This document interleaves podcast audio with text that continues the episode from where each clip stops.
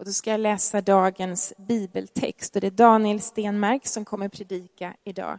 Och texten är hämtad ifrån Johannes evangelium kapitel 15 och verserna 1 till 17.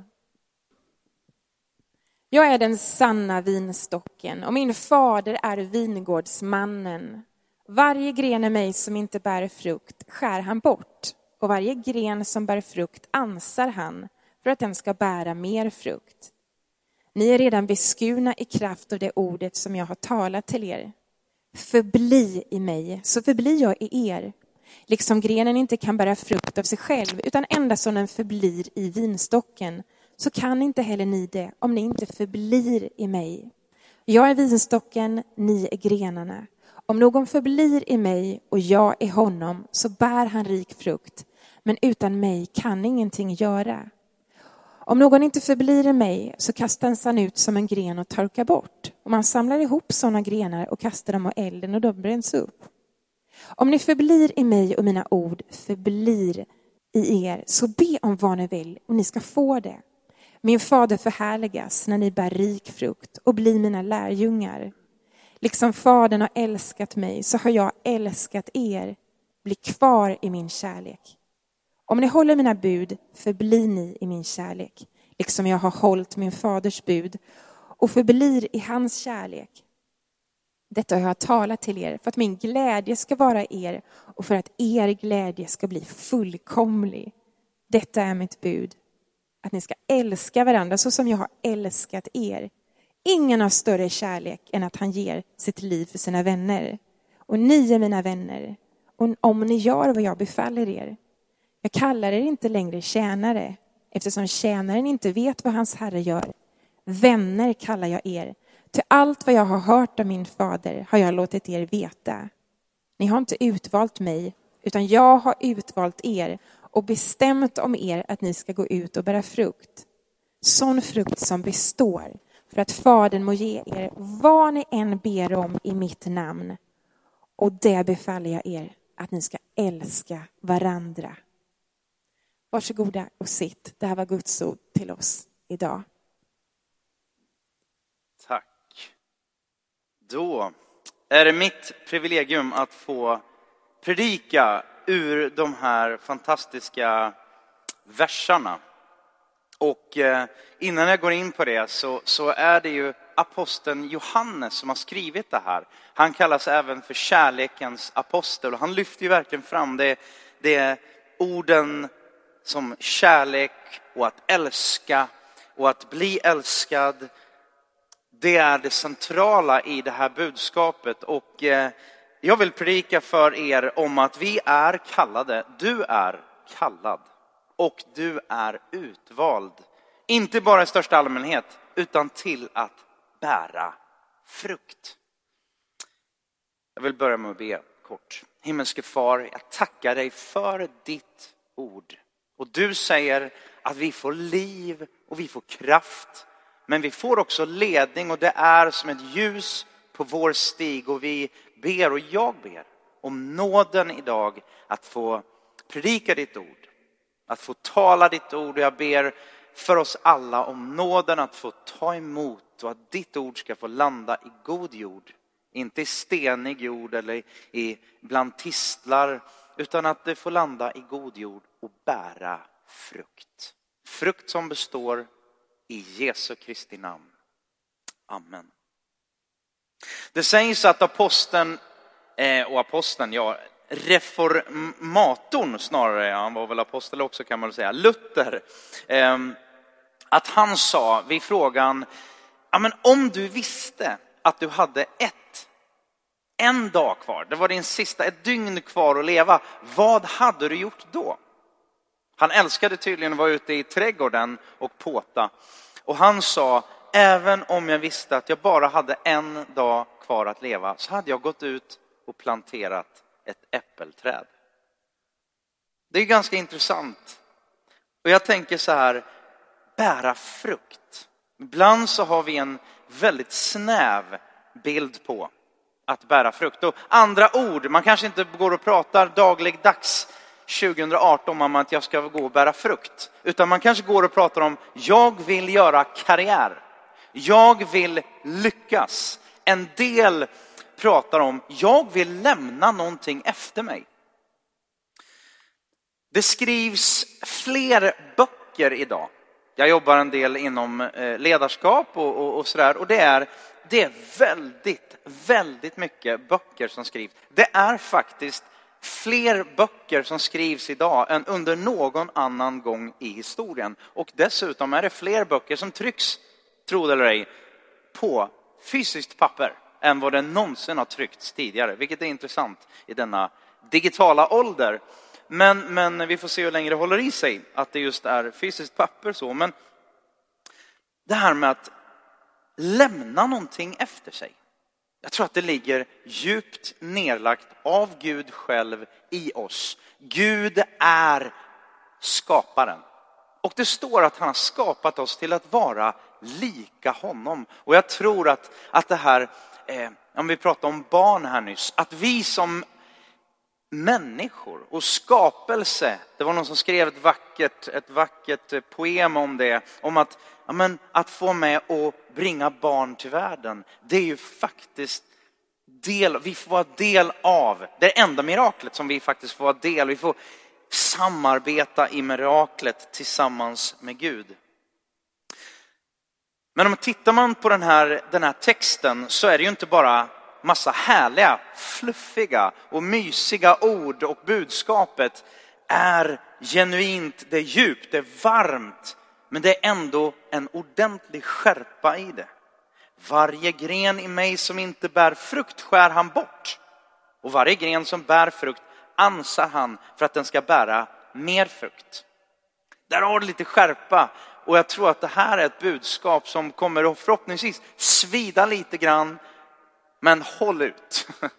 Vi kommer, ja, vi kommer komma framåt och jag tror att vi kommer fram till eh, ja, men det positiva. Fokuset handlar om att bära frukt.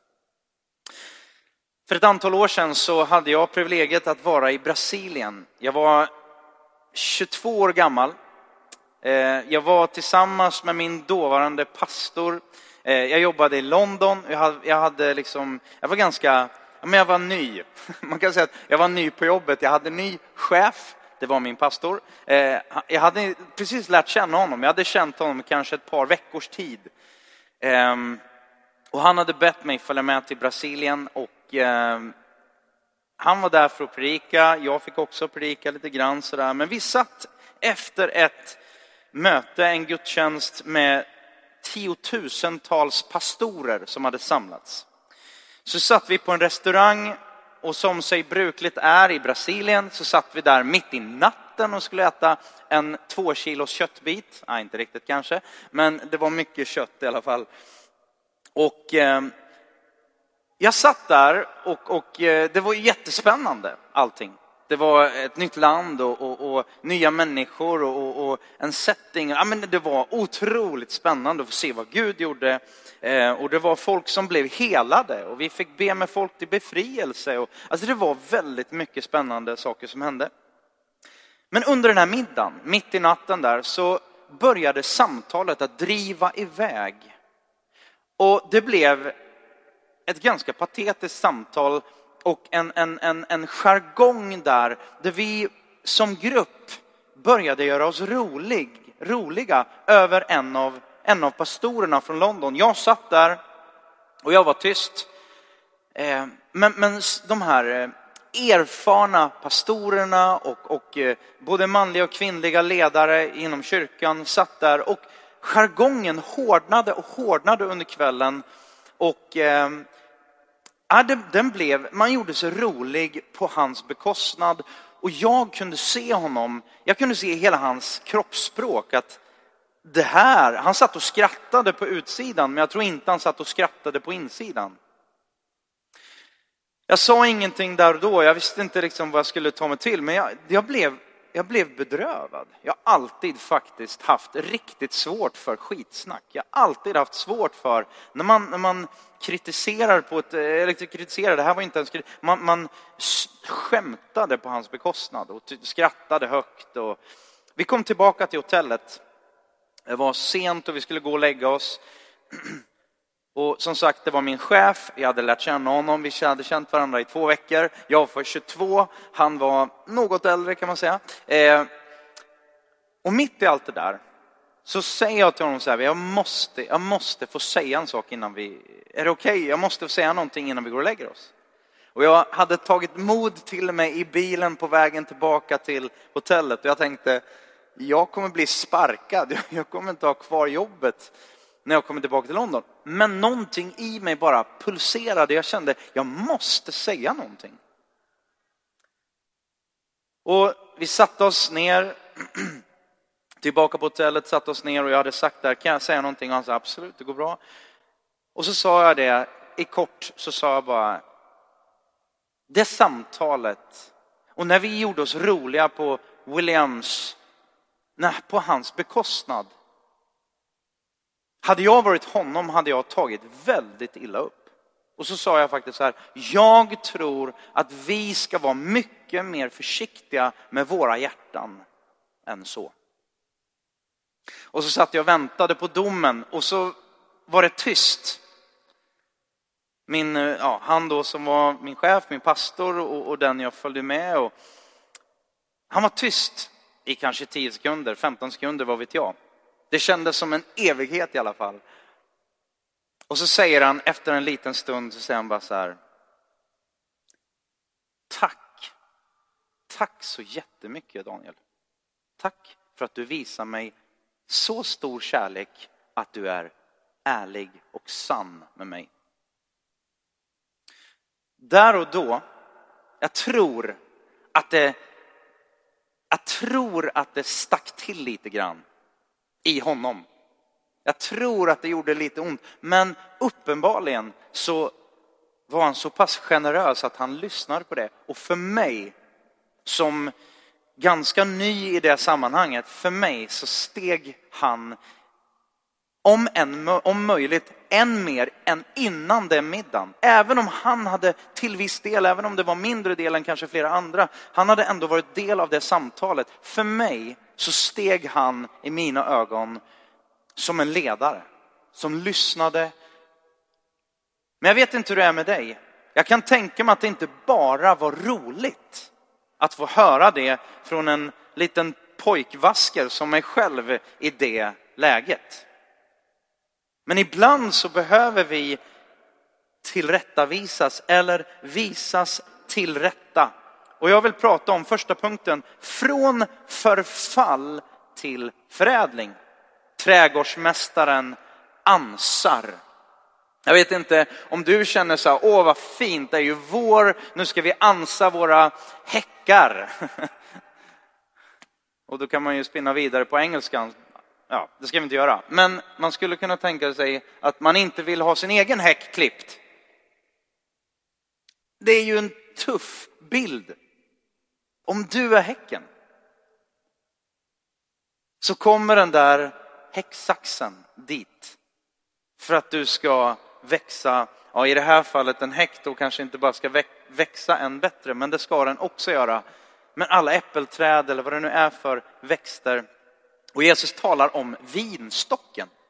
Jag är den sanna vinstocken och min fader är vingårdsmannen. Varje gren som i mig som inte bär frukt skär han bort och varje gren som bär frukt ansar han för att den ska bära mer frukt. Och jag tänker, du och jag kommer inte undan. Även om vi bär mycket frukt så vill han komma och ansa oss. Och du som inte bär någon frukt, ha tålamod och sök först Guds rike och hans rättfärdighet och du ska få allt det andra också. Du kanske sitter här som jag och bara känner så här, jag vill bära mer frukt. Jag vill, jag vill bära frukt för Gud. Som när vi köpte vårt nuvarande boende. Vi är jätteglada för det, men det var faktiskt, det var mycket folk som gick på visningen, men det var ingen annan som la ett bud. Och anledningen var nog det var ganska mycket att göra. Men på grund av olika saker så har vi inte råd med någonting annat, så vi, vi liksom råd att köpa något perfekt. Eh, så vi tänkte vi kör på det här och vi får bita i, i, i det äpplet och det behöver renoveras och det gjorde vi. Det var hårt jobb, det var stundtals smärtsamt, faktiskt rent fysiskt. När jag slog av, eh, slog av eh, stortumnagen stortumnageln och den flög och det var allt möjligt. Men nu i efterhand så var det värt det.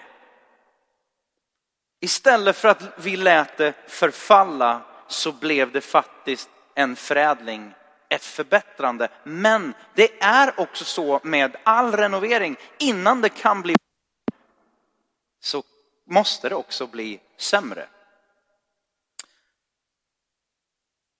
Tillrättavisning, att, att rätta någonting som inte riktigt står rätt till. Det är ju inte bara mysigt och gosigt och härligt.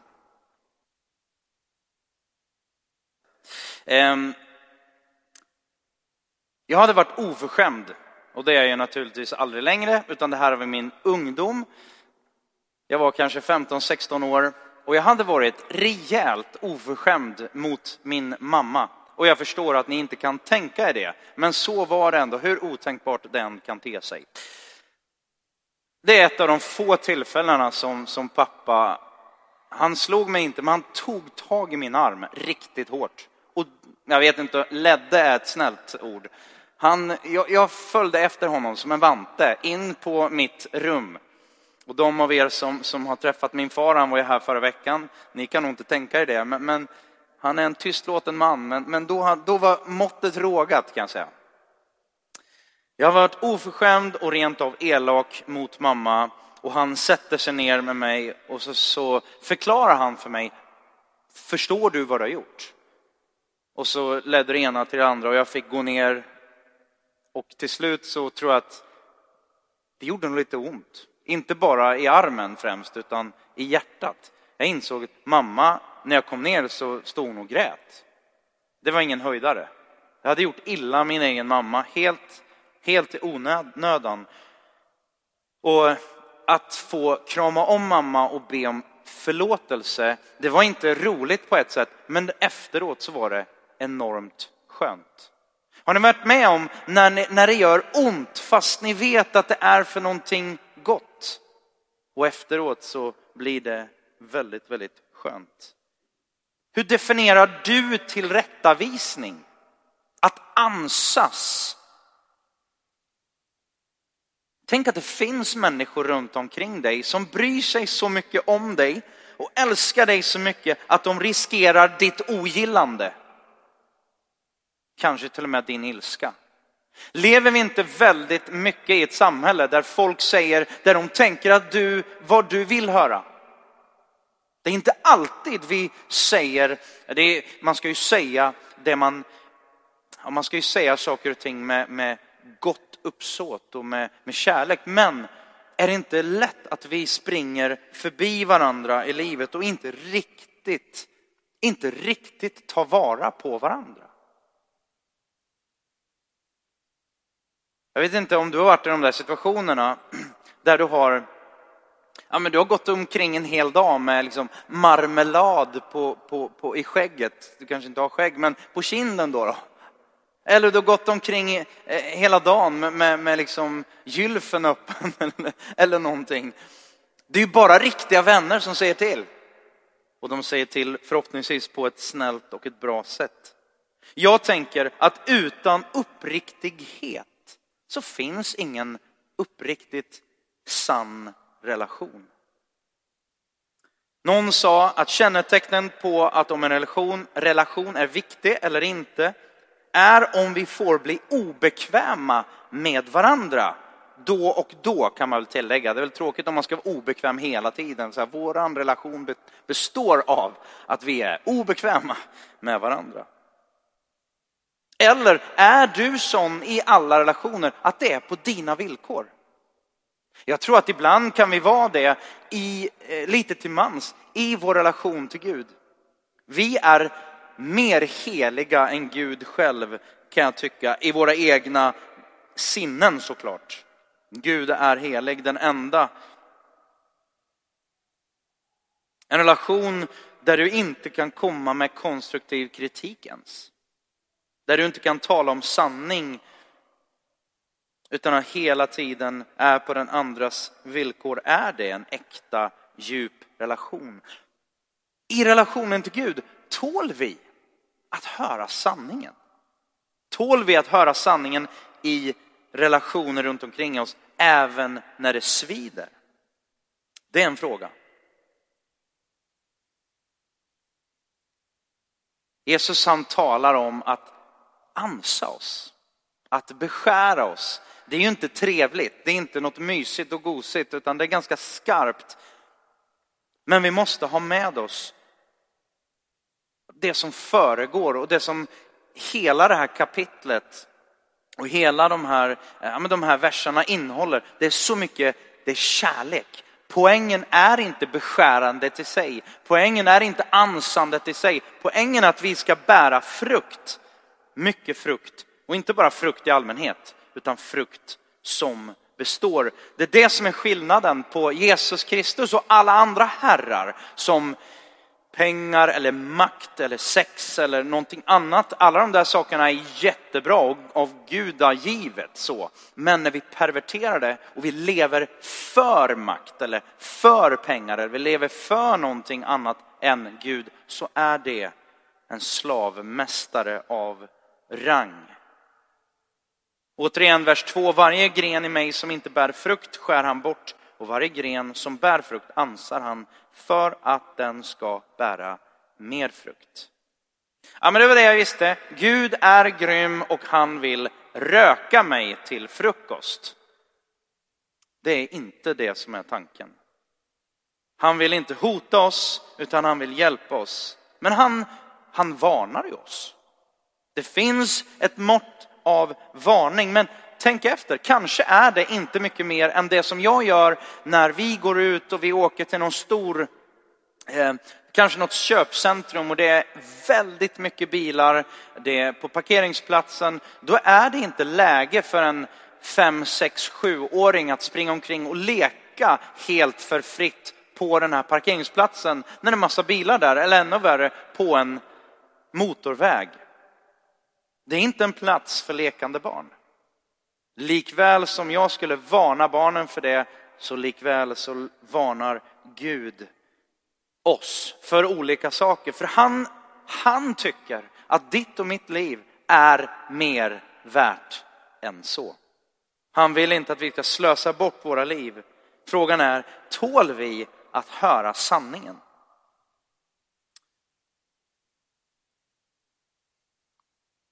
Från individualism till intim relation. Förbli i mig, så förblir jag i er. Man tar de här vackra, vackra händerna när man närmar sig varandra. Jag tänker ibland så är vi så bra på att prata om Gud och han blir väldigt långt borta. Eller ibland så blir det väldigt mycket huvud, väldigt mycket tankar, väldigt mycket teori av våran relation med Gud. Och det där är intressant. Och jag tänker på, ni kanske har läst om, om ni kommer ihåg från skolan, den eh, kopernikanska omvälvningen som den kallas. Ni alla känner till den och ni vet vad, vad det innebär, men jag ska påminna er. På 1500-talet, alltså mindre än ja men det är liksom, det är mindre än 500 år sedan, för det var inte precis 1500 utan det var under 1500-talet, så hade man en så kallad geocentrisk värld, världsbild som bestod i, ja den hade bestått sedan 2000 år tidigare så, men den geocentriska världsbilden innebar en föreställning om att jorden var universums medelpunkt. Detta är bara, det är 500 år sedan man tänkte att jorden är medelpunkten i universum kring vilken allt annat kretsar. Nu vet ni vart jag är på väg tror jag. Och det var inga lättviktare som stod för den här teorin utan högt aktade vetenskapsmän och filosofer som Aristoteles och Ptolemaios. Ptolemaios. Ehm, man insåg att den tideräkning man hade antagit inte riktigt stämde. Så en polsk präst och vetenskapsman, och det är därför man har då Copernicus, men Nikolaus Copernicus, han började studera och under lång tid sammanställde han en mängd mätresultat. Det här ledde till att han slutligen formulerar en ny teori. Och den går ut på att jorden inte alls är alltings medelpunkt. Kan ni gissa hur mycket motstånd Copernicus fick, motst fick möta? Väldigt mycket kan jag säga. Det nya kopernikanska systemet ledde fram till en tankerevolution och förändrade hela den dåtida världsbilden. Vi var alltså inte längre universums centrum, utan vi var inget annat än en liten del i något väldigt mycket större. Den gamla världsbilden föll, en ny världsbild fick ta plats. Jag tänker att det är precis det som händer när vi möter Gud. Vi inser där och då att vi själva inte längre är universums medelpunkt. Jag vet inte riktigt, en del av oss kämpar fortfarande med den, med den, liksom, fortfarande med den kampen. Vi vill vara universums medelpunkt. Och det roliga var ju, eller roliga, men det var ju otroligt många vetenskapsmän som hade sett signaler och läst om det här, men man ville inte, man ville inte se det här, för man letade efter helt andra saker. Som när Linda, när du var gravid med vår första, Caleb. Helt plötsligt så bara, jag, jag har inte tänkt så mycket på, på dessa magar sådär jättemycket innan, men plötsligt när Lindas mage började växa och vi visste att, att det var en liten bulle i ugnen där. Plötsligt så bara, jag, jag började se magar precis överallt. De hade ju säkert funnits där, rent statistiskt sett så hade de funnits där i ungefär lika stor grad som, som just då. Men på grund av att jag fick upp ögonen för någonting så började jag se det. Och jag tänker att det är en fantastisk bild av det som händer i oss när vi möter Gud. Våran världsbild kan, men faktiskt mer än kan, den behöver ändras. Den behöver ändras från att du och jag är centrum i universum till att inse att han är centrum i universum. Den största och mest fantastiska och viktigaste bekännelsen, det är den på tre ord. Jesus är Herre. Han är inte bara våran frälsare, han är inte bara våran, det här är jätteviktigt, och han är inte bara våran försörjare, han är inte bara våran, ja, allt det han är. Han är även Herre. Och det innebär att han är först och han är sist. Han har auktoritet över dig och han har auktoritet över mig. Jag själv är inte tillvarons centralpunkt omkring vilket allt annat kretsar. Jag är inte sanningens avgörare, utan det finns en som är sanningen själv. Som avgör vad som är sant, vad som är falskt. Det kan vara ganska bra i den här tiden med fake news hit och dit. Gud är tillvarons centrum. Och varför är det här så viktigt då? Jo, jag tror att det är en av de här sakerna som Gud kontinuerligt måste jobba på dig och mig kring. Det han måste beskära. Det är som att när du släpper, vi tittar ut på våra kära äppelträd som vi kanske inte riktigt har förbarmat oss över i den mån vi borde. Och det är grenar och det är små grenar och det är små skott och det, det ja, de, jag ska inte säga julgran, men det är inte så långt ifrån. De, de, de sprider sig i alla möjliga riktningar kan jag säga. Förbli i mig så som jag förblir i er. Jesus Kristus, Guds son, bjuder in dig att gå från att vara en total individualist som ska klara sig själv till att ha en intim, nära relation med honom. Där du kan räkna med honom på alla dina vägar. Utmaningen är att han kommer vara en sann vän. Han kommer att berätta för dig när du har marmelad i skägget, billigt talat. Han kommer att berätta för dig saker som gör att du kan komma ännu närmare honom. Han vill ha dig nära honom. Men han gillar inte att bli petad i ögat. Så när alla grenar börjar växa och du börjar se ut som en julgran, då kommer han säga, nu vill jag ta lite tid med dig, nu vill jag beskära dig. För nu börjar det se ut på ett sätt som det inte riktigt ska. Hur förblir jag i Kristus? Ja, det finns mycket man kan säga om det och jag ska inte säga särskilt mycket just nu. Jag ska ta sista punkten alldeles strax, men det står vers 10. Om ni förblir i mig och mina ord, mina ord förblir er, så be om vad ni vill och ni ska få det. Hans ord.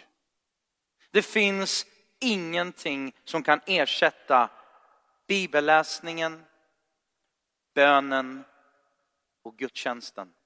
Där du får del av ordet, där du får be ut ordet, där du får lovsjunga ut ordet och där du får ta del av ordet genom predikan, genom förkunnelsen och du rent fantastiskt får äta ordet, ta del av brödet och vinet. Det är fantastiskt. Såklart kan man ta del av ordet på en massa olika sätt. Man kan prata om ordet, man kan diskutera, man kan be för varandra, man kan sjunga för varandra, man kan göra en massa saker. Men ordet, så Bibeln, bönen och gudstjänsten, se till att aldrig eh, förminska det. Att försumma det, som det står i brevbrevet. Försumma inte sammankomsterna. Ja, men det var det jag visste. Den kristna tron handlar bara om en massa måsten. Ja, eller hur? Eftersom Jesus är så enormt negativ och hotfull när han säger för, i nästa vers då, för att min glädje ska vara i er och för att er glädje ska bli fullkomlig. Visst är han hotfull när han säger det? Hela hans varelse, hela hans skapelse, Gud sträcker sig efter dig och han vill att hans glädje ska vara i oss och att vår glädje ska vara fullkomlig. Det finns dock inga genvägar. Om du vill vara vältränad så måste du träna. Du måste inte vara vältränad, men om du vill vara vältränad då måste du träna. Du behöver inte bära rik frukt och vara hans lärjunge, men om du vill bära rik, rik frukt, då måste du. Och det tar oss till tredje och sista punkten. Från fruktlöshet till fruktsamhet. Vi är kallade och utvalda att bära frukt. Vers 5. Jag är vinstocken, ni är grenarna. Om någon förblir i mig och jag i honom bär han rik frukt. Ty utan mig kan ni ingenting göra. Min fader förhärligas när ni bär rik frukt och blir mina lärjungar. Vers 8. Vers 16. Ni har inte utvalt mig, utan jag har utvalt er och bestämt om er att ni ska gå ut och bära frukt, sån frukt som består, för att Fadern må ge er vad ni än ber om i mitt namn. Som sagt, egentligen handlar den här texten inte alls om beskärande eller ansande, utan om syftet och målet med skärandet och ansandet. Och vad är det? Jo, att vi ska bära rik frukt. Vi ska vara hans lärjungar, att vi ska få umgås med honom, att vi ska få komma och ha en intim, rik relation med honom. Han har kallat oss till och bestämt om oss att vi ska bära frukt, rik frukt, frukt som består.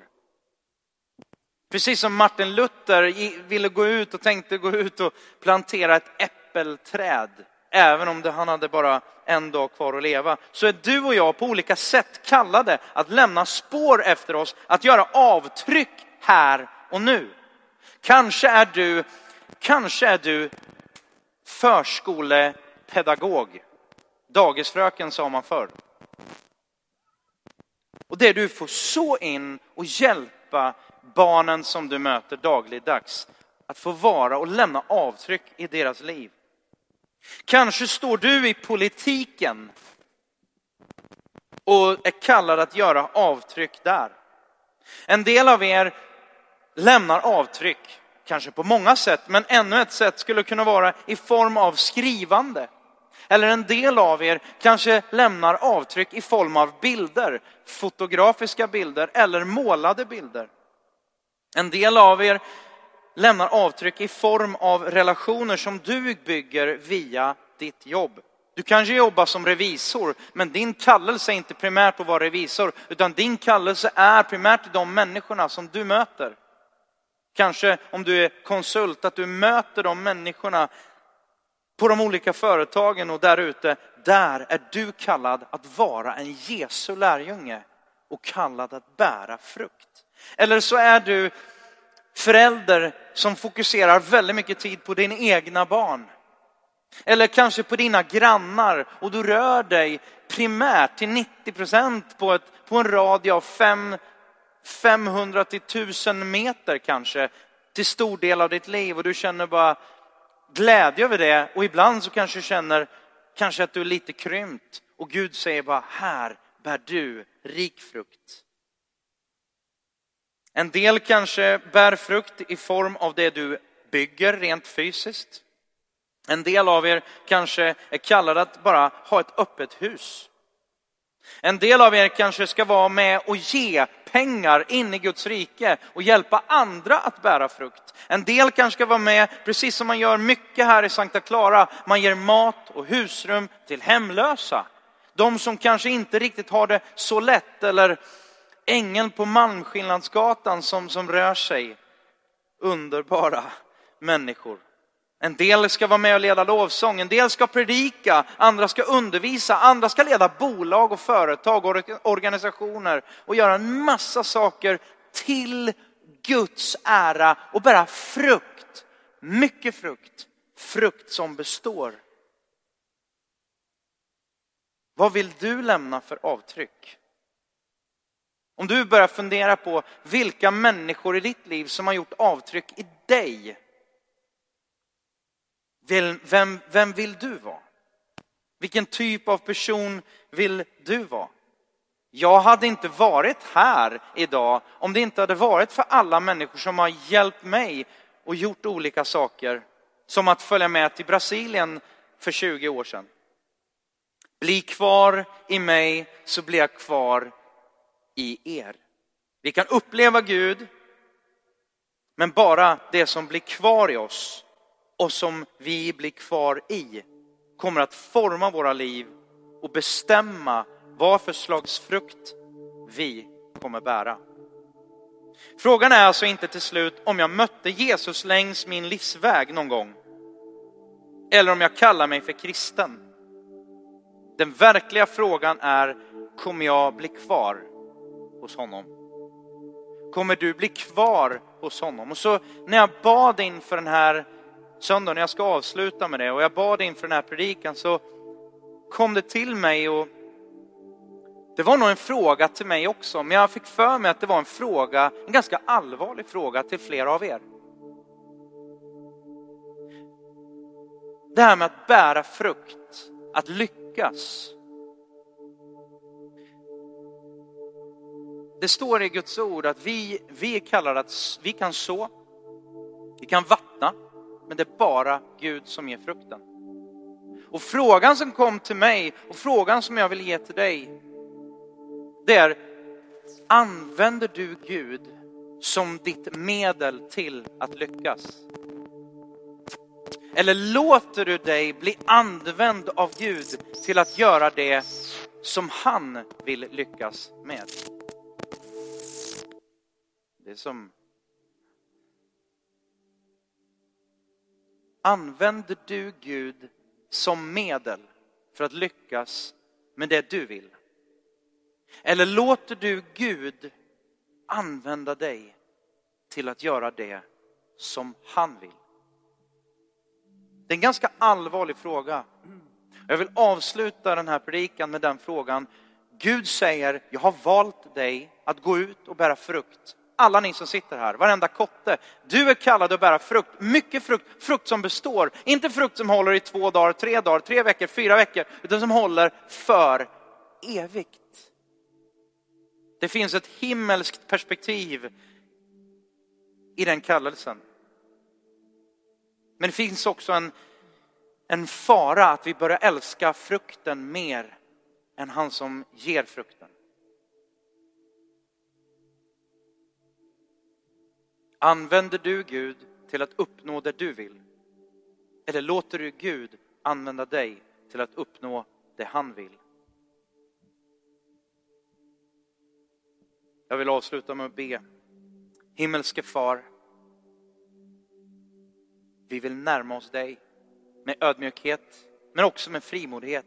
Som det står i ditt ord, att vi kan komma inför nådens tron med frimodighet. Herre, jag tackar dig Gud för möjligheten att lära känna dig.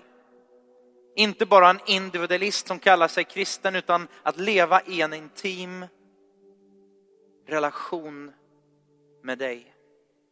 Tillsammans med alla de heliga i den lokala församlingen och i den vids, världsvida kyrkan så närmar vi oss dig. Hjälp oss att närma oss dig, Herre. Hjälp oss att närma oss dig och vara öppna för.